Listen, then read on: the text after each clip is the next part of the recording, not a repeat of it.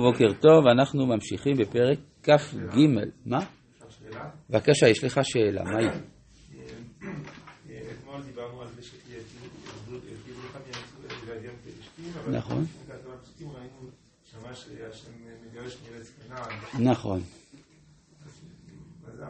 זאת אומרת, יש לארץ ישראל, אתה שואל ככה, שמצד אחד כתוב מים סוף ויד פלישתים, מצד שני הוא מגרש את עמי כנען. מזה אנחנו מבינים שיש אה, שתי טריטוריות שונות של ארץ ישראל. זו שמתוארת בפרק ט"ז, סליחה, בפרק ט"ו של ספר בראשית, וזו שמתוארת בפרק י"ז של ספר בראשית. בפרק ט"ו זה ברית בין הבתרים. ברית בין הבתרים, שמה נאמר, לזרעך נתתי את, את הארץ הזאת. ואז שמה זה כולל גם את ארץ כנען, אבל יותר, הרבה יותר, קניק, נזיק, אדמוני, רפאים וכולי, מנהר מצרים ועד נהר פרת. לעומת זה, בפרק י"ז, שזה הברית על המילה, שם כתוב מפורש ארץ כנען. וארץ כנען היא מהירדן ועד הים. זהו, לא יותר מזה, כפי שמבואר גם בפרשת נוח. בפרשת נוח יש גם כן תיאור של הגבולות של ארץ כנען. וזה כנראה עניין של, לא של זכות במובן הרגיל, אלא של ייעוד. כי אם עם ישראל מסוגל לחיי קדושה, אז הוא יורש את ארץ כנען, שהיא המקום הקדוש. כמו שאומר הספרי, רק ארץ כנען ראויה למזבחות. לעומת זה, אם עם ישראל הוא גם בעל השפעה אוניברסלית, אז הוא יורש את שני אברי הירדן ומהנילוס ועד הפרת. אז זה בדיוק מה שכתוב כאן. אני שולח לפניך מלאך שמשלח לפניך את כל עמי כנען. אם אתה זוכה ושתי גבולך מים סוף ועד ים פלישתים. זה שתי בחינות שונות, כלומר ארץ ישראל היא מודולרית מהבחינה הזאת. בימינו למשל, החלק שיש לנו בארץ של ברית בין הבתרים זה רמת הגולן, אבל, וגם אה, דרום הנגב. לעומת זה שאר הארצות, כלומר שאר החלקים של ארץ ישראל שבידינו, זה שייך לארץ כנען, שזה בפרק י"ז.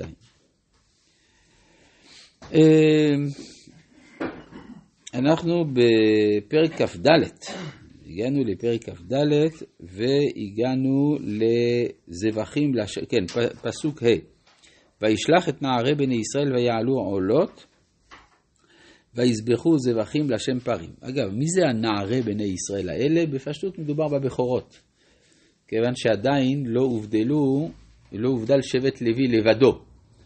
למרות שכתוב כבר, והכהנים והעם וכדומה, אבל בכל זאת, עדיין יש לבכורות מעמד מיוחד, והם נערי בני ישראל. מה זה שמעלים עולות? אז זה ראינו. עולה זה קורבן שהוא כל כולו לשם, אבל העור נשאר בידי הבעלים או בידי הכהן. לעומת זה כאן ויזבחו זבחים שלמים לשם פרים, הכוונה שהם העלו את כל הבהמה כולה עם העור, כלומר בלי ניתוח לחלקים ובלי אה, בלי ההפשטה. זאת אומרת שבראשית ההתגלות של מעמד הר סיני, יש אפשרות להעלות את הכל. כי הרי מה זאת אומרת שלא מקריבים את האור? לא מקריבים את האור, זאת אומרת שיש משהו שהוא שייך לקליפות, כמו שהאור הוא החיצוני, ואין אנחנו מצליחים להעלות אותו. לעומת זה, במעמד הר סיני היה משהו אידיאלי באותה השעה, ויזבחו זבחים שלמים לשם פרים. ויקח משה, ולא רק זה, כלומר, השלמים היו פה דווקא מן הפרים ולא מן הכבשים. כלומר, הבהמה יותר שלמה, יותר גדולה, שמקיפה, שמציינת את ההקפה של כל כוחות החיים כולם. פסוק ו' ויקח משה חצי אדם, וישם בעגנות, וחצי אדם זרק על המזבח, אז מה זה החלוקה הזאת של חצי-חצי? זה כמו שמצאנו בכמה דברים שיש חלוקה לשניים. למשל, בשעיר לעזאזל. יש שני שעירים, אחד שנעשה בפנים, אחד שנעשה לא כקורבן אפילו, אלא נזרק אל החוץ, כן, אל הצוק. כמו כן גם בטהרת המצורע, שני ציפורים חיות טהורות, אחת שנשחטת כדין, ואחת שמשולחת על פני השדה. זאת אומרת שיש אה, באדם שני כוחות, אפשר, מה שאנחנו מכנים יצר הטוב ויצר הרע. יצר הטוב קל לקדש, יצר הרע צריך טיפול. לכן מחלקים את כל מה שאנחנו מביאים בפני השם לשניים. מה שבאופן גלוי הוא פשוט עולה, ומה שצריך טיפול מיוחד. זה החצי אדם שבהגנות. זה, קוראים לזה בספרות הכללית ברית ההגנות. כן, זה פה. ויקח ספר הברית, ויקרא באוזני העם, אגב, זה גם ביום הכיפורים, באמצע העבודה יש קריאת התורה, אז גם פה הוא לוקח את ספר הברית. מהו ספר הברית? כנראה מדובר בפרשת משפטים. כן? אה, ויקרא באוזני העם, ויאמרו, כל אשר דיבר השם, נעשה ונשמע. אז מה זה נעשה ונשמע? מניטו היה מסביר, כל אשר דיבר השם ושמענו. הרי איך אנחנו יודעים שהוא דיבר? כי שמענו. עכשיו אנחנו נעשה כדי לשמוע עוד פעם, ונשמע. נעשה ואז נשמע עוד פעם, כלומר העשייה תגרום לנו להבנה יותר גדולה, אבל יש קודם כל הבנה ראשונית.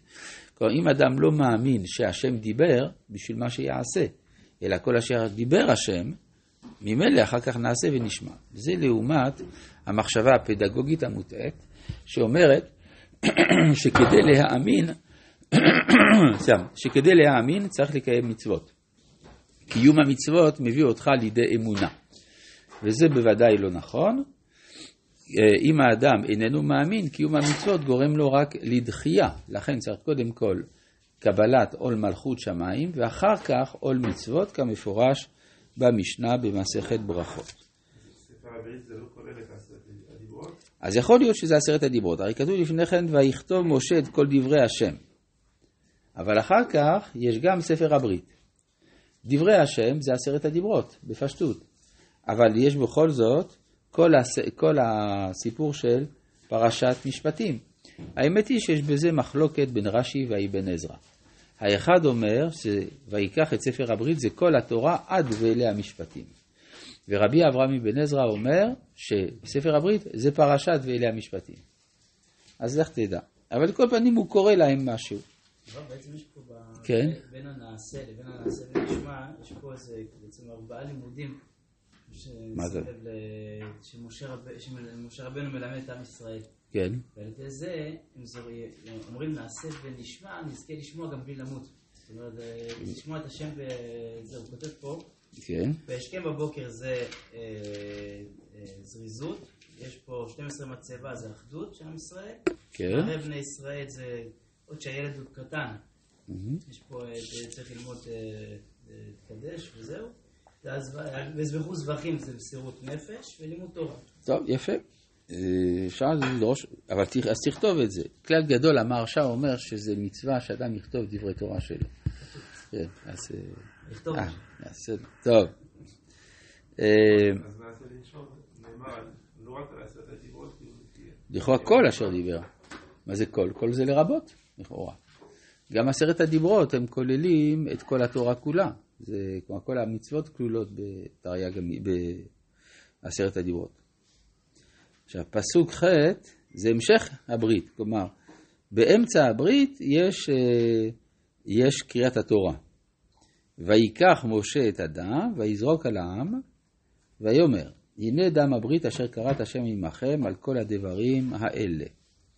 טוב, זה אומר שאבותינו נכנסו לברית על ידי ברית מילה ועל ידי הדם. ולדורות, במקום הדם, יש הטבילה. טבילה במקווה, נכנסו המים תחת דם. כן, רק המים זה מקור חיים, גם הדם זה מקור חיים. הדם זה החיים עצמם. אז אה, רק שכל פעם לזרוק דם על אנשים זה לא סימפטי.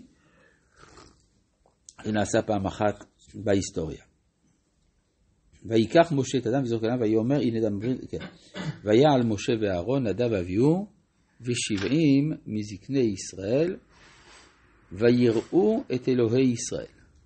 אז מה זה לראות את אלוהי ישראל? מדובר בהשגה רוחנית כמובן, אבל לכאורה ויראו את אלוהי העולם, אלא בתור נותן התורה הוא אלוהי ישראל.